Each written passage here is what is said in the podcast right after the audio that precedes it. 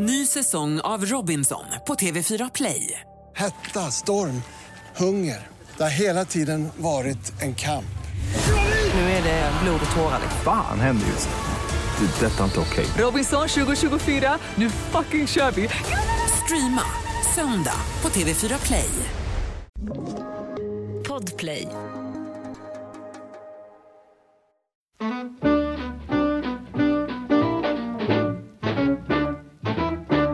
Om alternativmedicin ändå bara är fejk, måste man då hålla sig till det som står på burkens innehållsförteckning? Nej, det tycker inte Daniel Wallin. Så han fuskar sig rik. Problemet är bara att Piller-Daniel är en usel chef. Ja, han är så fruktansvärt otrevlig mot sina anställda att det faktiskt blir hans fall. Inte ens hans mamma, kändishilen och bedragaren Beda Wallin kan rädda honom. Välkommen till ännu ett avsnitt av Misslyckade brott. I det Aura-tempel som Podplay kallar studio sitter Mattias Bergman och Andreas Utterström och dricker virvlat vatten.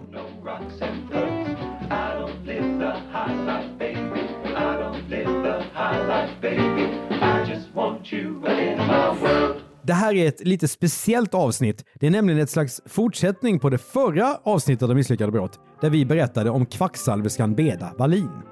Kvinnan som sa sig kunna bota allt från ryggmärgsbråck till sinnessjukdom med hjälp av böner. Men Beda är inte den enda i familjen som kommer att bli omskriven i tidningarna för misslyckade brott. Detsamma gäller nämligen sonen Daniel. Han rör sig i samma bransch som mamma, men med en annan affärsidé. Vi tar det från början. Johan Daniel Wallin föds den 1 april 1909. Det här är innan hans mamma fullständigt har spårat ur, vilket är något värderande beskrivning av dig Andreas.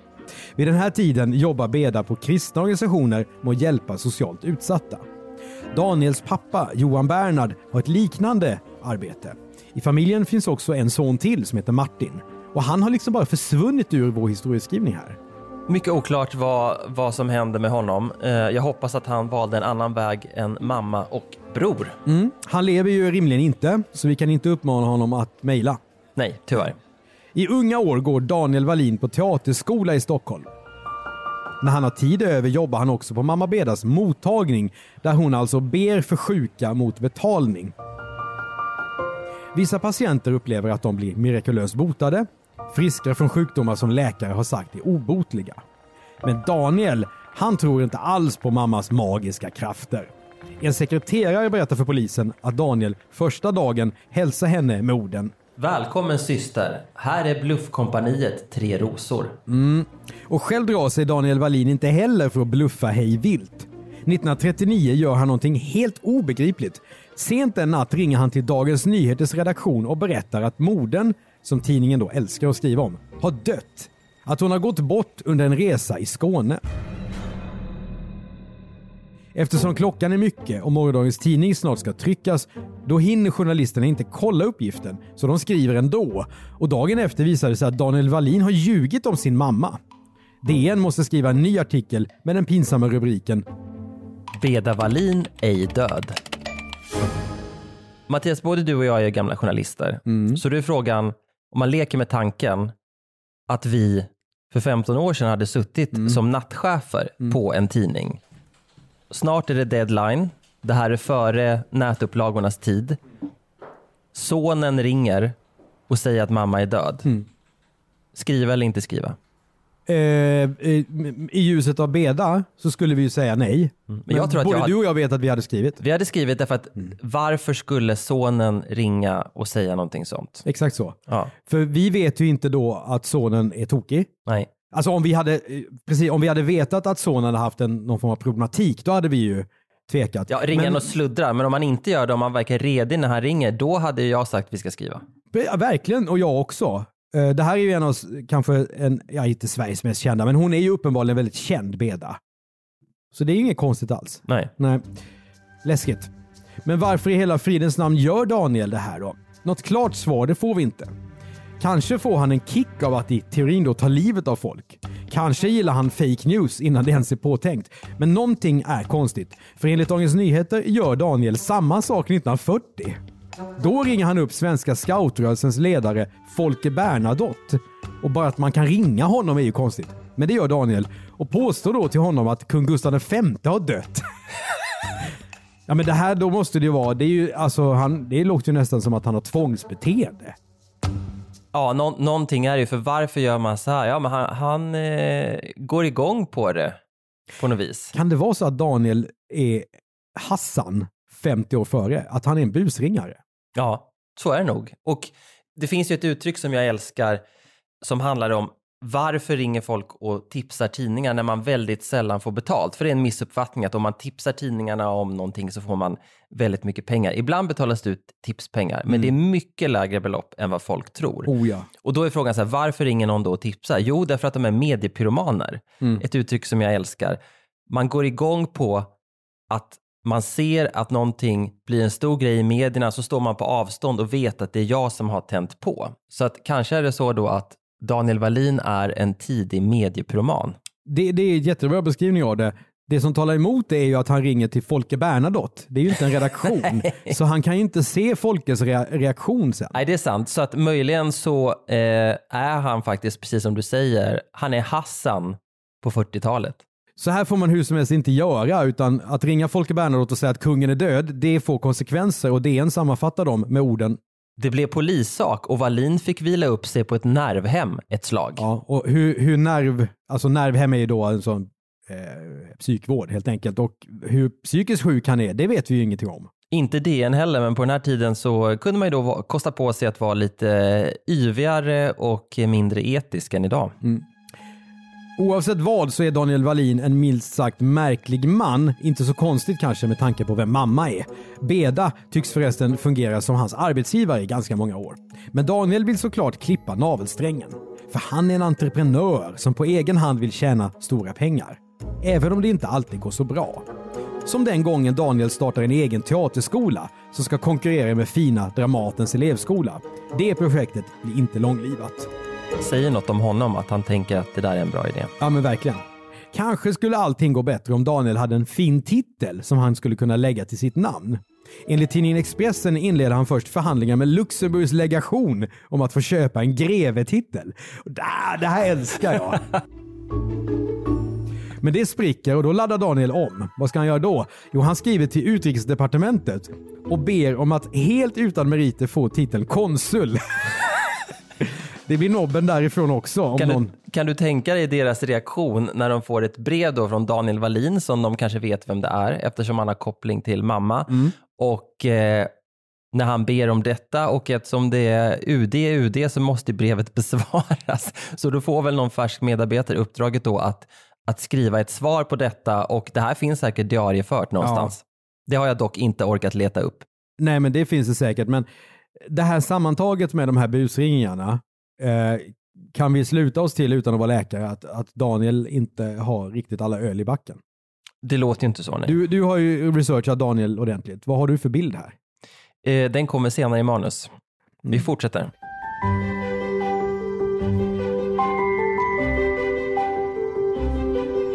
Ja, frågan är ju nu om Daniel någonsin ska hitta rätt i livet och det kommer han att göra på 40-talet. Och det är också nu som vi kommer fram till det som ska bli Daniels lika misslyckade som omskrivna brott. Tillsammans med sin fru Rut grundar Daniel 1946 bolaget Pharmadrog och två år senare också Sankt Eriks droghandelsaktiebolag. De erbjuder homeopatiska preparat både på flaska och burk. Det är alltså naturläkemedel vars effekt saknar vetenskaplig grund. Eller alternativläkemedel. Jag är lite osäker på skillnaden där. Ja, vetenskaplig grund står jag för att de inte har. Ja, Paret Wallin tillverkar och säljer till exempel 73 olika preparat i serien Pharmaflex och 32 olika preparat i serien Tera Complex. Det säger något här Andreas, för alla sådana här naturläkemedel har ju alltid namn som ska låta lite mer medicinska. jag tycker det är bra namn. De låter liksom eh, laboratorium i vita rockar-aktiga. Sammanlagt rör det sig om 1848 olika sorters piller. Daniel är ansvarig för försäljningen och Rut för tillverkningen. Vilka är då köparna? Ja, dels butiker som har alternativmedicin på hyllorna dels apotek som vid den här tiden enligt lag inte får säga nej utan måste sälja det som kunderna efterfrågar. Dessutom kränks det en del på postorder. Affärerna går så bra att paret Wallin 1951 har 13 anställda. Men det är oerhört hög omsättning på personalen. Det är rena Expedition Robinson. Arbetsförmedlingen skickar dit 60 personer under ett och samma år. Det betyder ju i så fall med 13 anställda, de är ju inte anställda... Alltså det... Nej, nej, de slutar snabbt för att de inte står ut eller för att de får sparken. Ja, och vad beror det på att de slutar? Eh, jo, vår slutsats är att allt är Daniels fel. Han är helt enkelt en katastrof som chef. Han har dåliga nerver, han är misstänksam och han trakasserar sina anställda.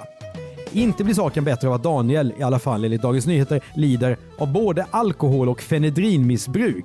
Och fenedrin vill vi ju prata mer om. Det vill vi därför att vi känner ju till en känd företagsledare och som har grundat ett känt företag i Sverige som precis vid den här tiden själv tog fenedrin, sov på dagen och var vaken på natten.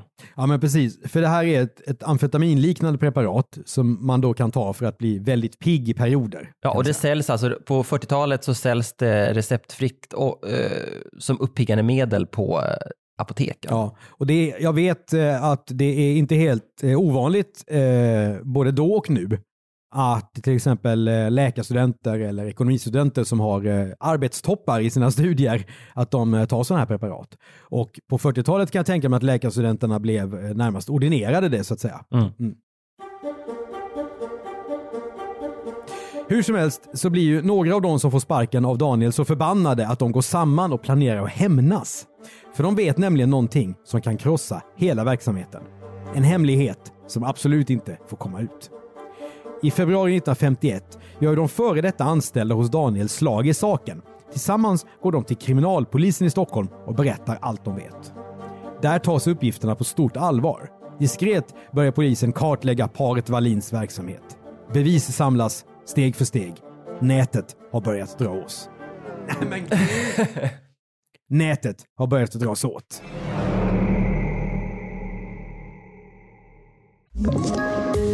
Poddtips från Podplay. I fallen jag aldrig glömmer djupdyker Hasse Aro i arbetet bakom några av Sveriges mest uppseendeväckande brottsutredningar. Går vi in med hemlig telefonavlyssning och, och då upplever vi att vi får en total förändring av hans beteende. Vad är det som händer nu? Vem är det som läcker?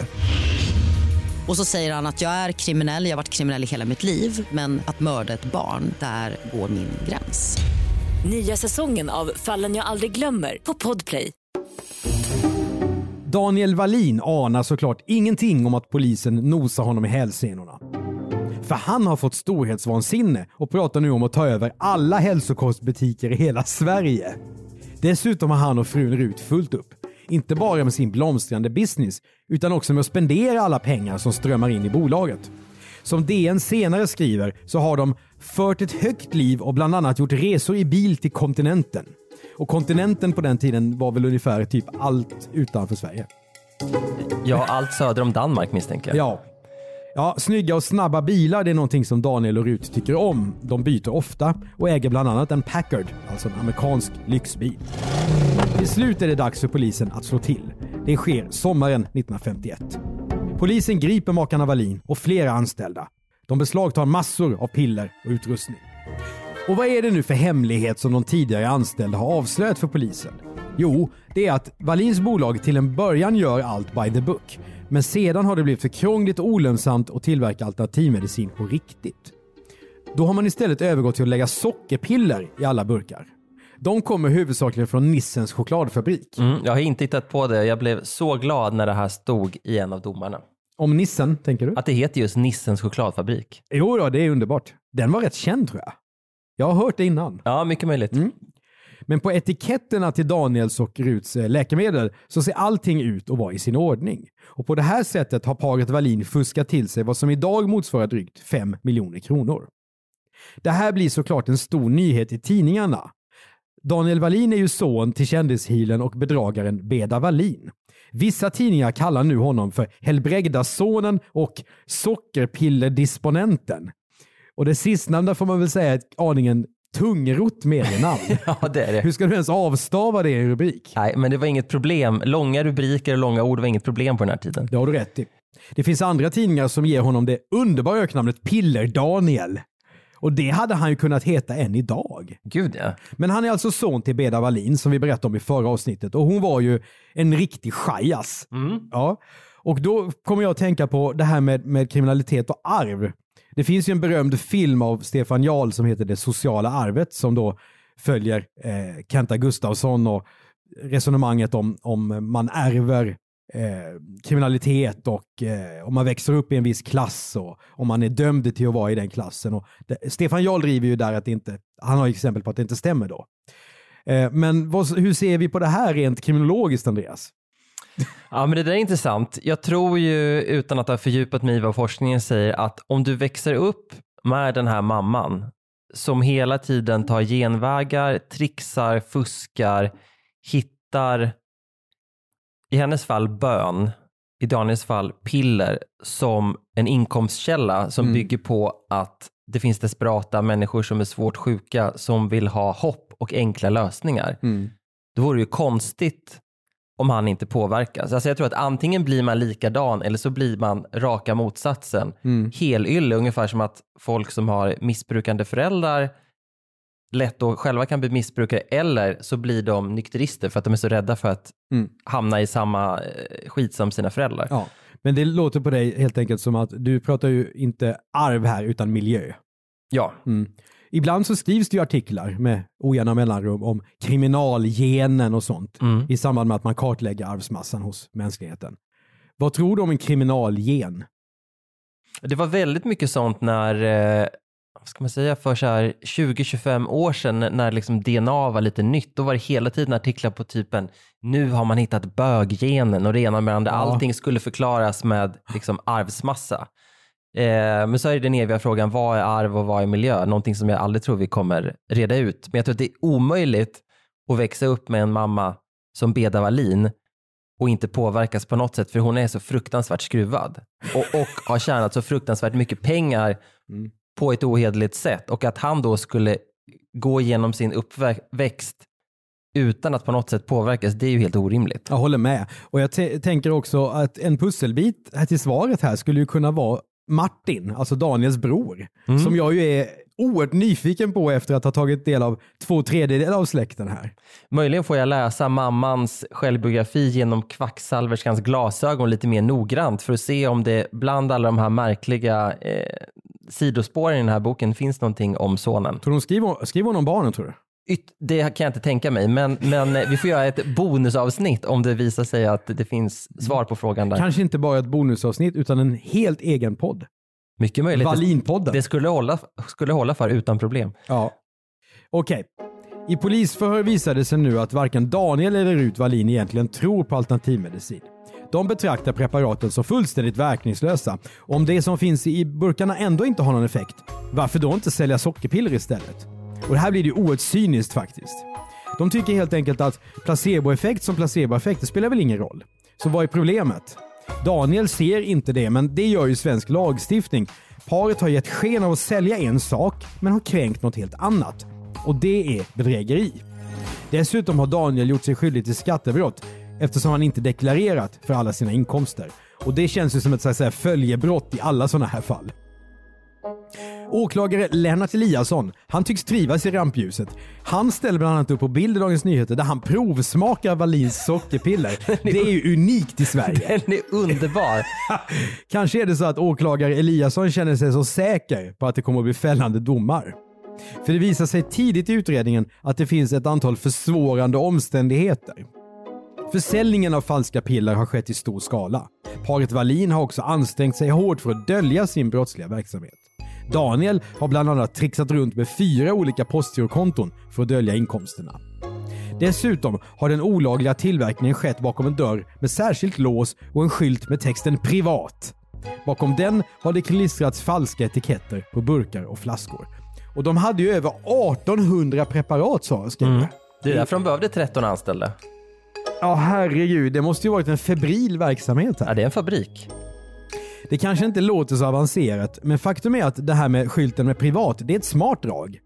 För redan 1947 så fattar Medicinalstyrelsen misstankar mot verksamheten och gör en inspektion. Men de som kommer dit på besök, de är lite för artiga för sitt eget bästa. Inspektörerna låter då nämligen bli att titta in bakom dörren med skylten privat. Så bluffen har kunnat fortsätta. Det gamla Sverige. Eh, det skulle jag säga är tjänstefel. Ja, för det var ju inte en lönndörr här. Det stod privat och där gick man inte in. Medicinalstyrelsen är ju som Socialstyrelsen idag. Hade de rätt att göra husrannsakan? Inte som polisen, men jag vet inte vilka befogenheter man har vid en inspektion. Det är möjligt så att de faktiskt inte hade rätt att gå in i, genom en dörr där det stod privat och Daniel visste att det var så. Rätt intressant. Ja, oklart faktiskt. Ja. Men det visar sig ironiskt nog att även Pille-Daniel själv blir blåst. Nyhetsbyrån TT rapporterar att en person som under tre månader jobbar i ett av bluffbolagen trixar så att vad som idag motsvarar drygt 122 000 kronor har hamnat på det egna bankkontot. Något som chefen Daniel aldrig märker. Säger kanske en del också om vilken typ av personer som rekryterades till det här bolaget. Möjligen det- någon som ja. Daniel har träffat på krogen då kanske. Eh, Ja, möjligt. Under de drygt fyra månader som Pille-Daniel sitter häktad hinner han också skapa ännu mer drama. Han delar nämligen cell med en inbrottstjuv som berättar att han filat bort serienumret från en kikare för att sopa igen spåren efter sig. Och det skulle han inte ha gjort, för Daniel tjallar såklart för polisen om det där. Ja, och det märkliga är då att han tjallar för polisen och sen hamnar det här i DN som skriver ut vem det är som har tjallat. Ja, Det kan man ju tänka sig att det, men det går ju inte... Åh herregud så dumt. kanske Daniel får betala ett pris för sen när, mannen med kikaren kommer ut. Eh, Ja men, ja men här... Åh. Mm. en annan tid, ett annat liv. Jag vet inte vad jag ska säga. För att citera en boktitel av Leif GW Persson. Men till slut 1951 så är det dags då för rättegång i Stockholms rådhusrätt. Och förutom Daniel och Rut Wallin åtalas fyra andra personer som jobbat i bolagen och varit delaktiga i bluffen. Jo, för då är det så att de här personerna börjar jobba i bolagen och sen räknar de antingen ut själva vad som pågår eller så berättar Daniel och Rut det för dem. Och om de då fortsätter i bolaget, då har de ju varit delaktiga i det här bedrägeriet. Och då kan man ju tycka att ja, men varför berättar det här paret för sina anställda vad de håller på med? Ja, men de har ju inget annat val därför att de har ju inte tid att själva Nej. sitta och hålla på med det här. Det går ju inte, så de måste ta hjälp av andra. Och då kommer de anställda upptäcka vad som pågår eller så måste man berätta för dem för att de ska fortsätta. Så det är ju det stora problemet i det här upplägget, att de är beroende av andra som då sen tjallar. Framförallt då när Daniel beter sig som han gör som chef. Mm. Så det är den stora bristen i hela, Upplägget då? Ja. ja. De måste ha kumpaner. måste ha kumpaner och det är livsfarligt att för många vet vad man håller på med. Ändå intressant om man ska se det. Då blir de åtalade för att vara delaktiga Mm. och det är de ju såklart. Samtidigt har vi ju inte anmälningsplikt för brott i Sverige. Nej, Ser du inte ett, ett gap här? jo, men så var det. Ja, livet är svårt I alla fall för Daniel. Journalisterna är på plats vid rättegången och skriver att paret Wallin gör ett nervöst intryck i rätten. Pillerparet som de nu kallas, de har delvis erkänt, men vad de säger spelar inte så stor roll egentligen. Polisen har ju så många starka bevis. Hudiksvallstidningen skriver att åklagare Lennart Eliasson, det var han som åt sockerpillren i DN. Ja. Just precis han. Han berättar i rätten att Daniel vid ett tillfälle har sagt så här. Blödande magsår behöver ej opereras. Det kan botas med potentierade medel. Ja, det är alltså förstärkning av ett läkemedel genom att man har tillsatt ett annat. Dör patienten skulle han även ha dött på operationsbordet. Och här ser man ju att Daniel är sin mors son får man säga. För hon trodde ju inte heller riktigt på läkarvetenskapen. Nej, och det här är också ett sätt att håna brottsoffren. Det här är ju obegripligt att han har sagt högt. Han, han säger det ju inte i rättegången, men å andra sidan i polisförhör så berättar ju båda två att de inte tror på alternativmedicin.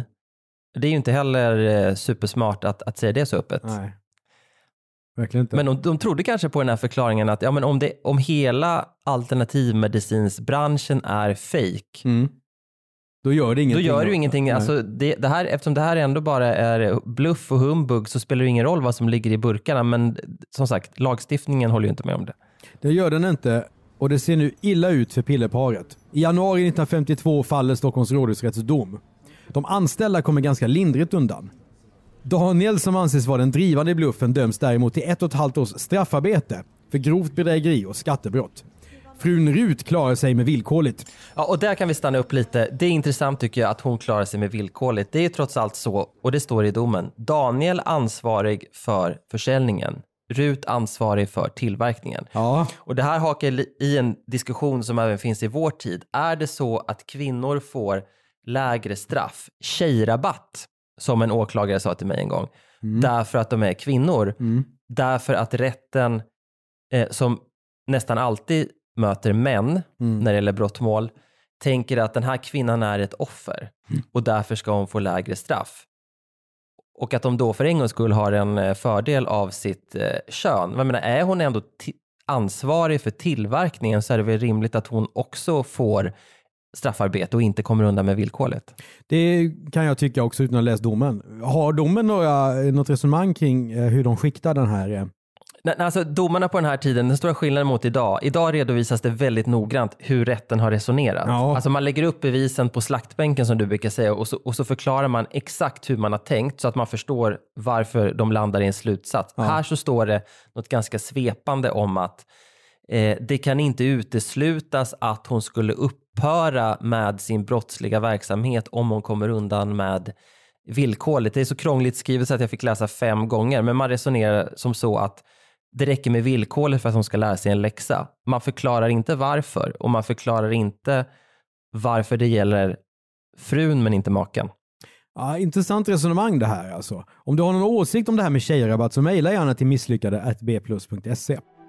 Men domen då, som vi just pratat om, den överklagas och när Svea hovrätt i mars 1952 meddelar sin dom, då står villkorligt förut fast. Men Daniels straff skärps till två och ett halvt års straffarbete. Och Andreas Utterström blir ännu mer upprörd över den stora skillnaden i straffvärde Ja, mellan det dem. blir jag faktiskt. Det blir jag. Domstolen skriver att det grova bedrägeriet är extra allvarligt eftersom Verksamheten varit inriktad på att utnyttja sjuka människors önskan att tillfriskna och avsett försäljning av ap- apoteksvaror eller varor för vilkas äkthet allmänheten har det största förtroende. Och så hade det ju kunnat stå precis likadant idag. Oh ja. Ja. och det tycker jag är ju eh, klockrent därför att eh, precis som vi varit inne på tidigare, man eh, utnyttjar ju att det finns desperata människor som är beredda att testa allt möjligt och då ska man ju ta hänsyn till det i, i domen. Absolut. Och nu blir paret Wallin rubriker igen. Sensationell Wallin-dom, slag mot hela homeopatvärlden, skriver DN och menar att det här kan innebära hårdare straff för den här typen av brottslingar.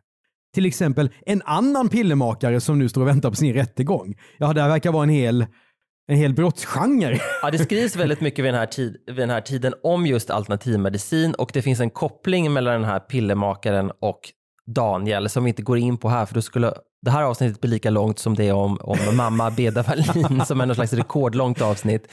Eh, och det finns också en diskussion om huruvida det är rimligt att apoteken inte kan säga nej till att sälja alternativmedicin. Ja, det finns det. folk som företräder apoteken som säger att vi önskar ju att vi slapp sälja den här skiten. Men nu är någon lag från 30-talet som den är, så vi måste göra det här. Så att Piller-Daniel-caset hakar liksom i en massa diskussioner som finns i övrigt i, i samhället så att man kan, man kan ta det som journalist som avstamp för att skriva om annat. Så det, det tror jag bidrar till att det blir extra stort. Det är inte bara eh, hans koppling till eh, mamma då. Idag är apotekslagen ska vi säga skriven på ett annat sätt. Det är den. Men vad händer då med Piller-Daniel efter avtjänat straff? Tidningsarkiven ger oss inga ledtrådar. Men då har vi tur att vår gamla kollega, släktforskaren Johan Lindart, kan hjälpa till. Han tar nämligen reda på att Daniel Wallin går bort 1964 och då är han bara 55 år gammal. Daniel sörjs av Rut och deras son. I dödsannonsen står det kort och gott “Älskad, saknad”. Rut gifter aldrig om sig. Hon lever som änka fram till sin död 1995, då hon är 86 år gammal. Idag är pillerparet två bortglömda bedragare. Men hade de levt idag, då kunde de ha varit ännu mer framgångsrika. För en undersökning från Novus 2019 visar att 67% av svenska män och 76% av kvinnorna skulle önska att läkare också var utbildade i alternativmedicin. Och det här är siffror som jag var, tycker var helt hårresande. Jag blir rädd för svenskarna eftersom jag själv är väldigt skeptisk till alternativmedicin. Jag är också skeptisk Mattias, men å andra sidan har jag ju då köpt något slags alternativmedicinpreparat som innehåller groblad som sa sig kunna bota virus därför att jag mötte en väldigt vacker och flörtig dam i 55-årsåldern och de är ju svag för som du vet Mattias. Och eh, då köpte jag detta och det, det stod i badrumsskåpet i flera år och jag tror att jag har hånats av min sambo för detta ett tresiffrigt antal gånger. Grobladen. Så det kan hända även den bästa. Jag är stum, men inte så stum att jag inte kan slutföra avsnittet. 2016 skriver tidningen Vårdfokus om en portugisisk studie som på sätt och vis ger Pille-Daniel rätt när han hävdade att placeboeffekten är viktigare än vad som står på burkens etikett. Den studien visar nämligen att placebo fungerar, även om patienten faktiskt vet att den stoppar i sig sockerpiller. Du har hört ett avsnitt av Misslyckade brott av Mattias Bergman och Andreas Utterström. Exekutiv producent av podden är Jonas Lindskog. Tipsa oss om fall som vi borde prata om i Misslyckade brott till misslyckade bplus.se. Prenumerera gärna på podden och betygsätt den i din poddspelare så är det fler som hittar till den.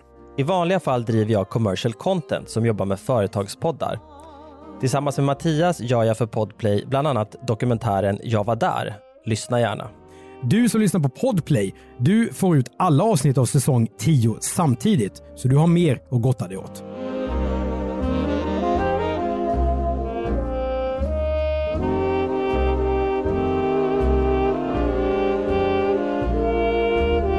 Podplay, en del av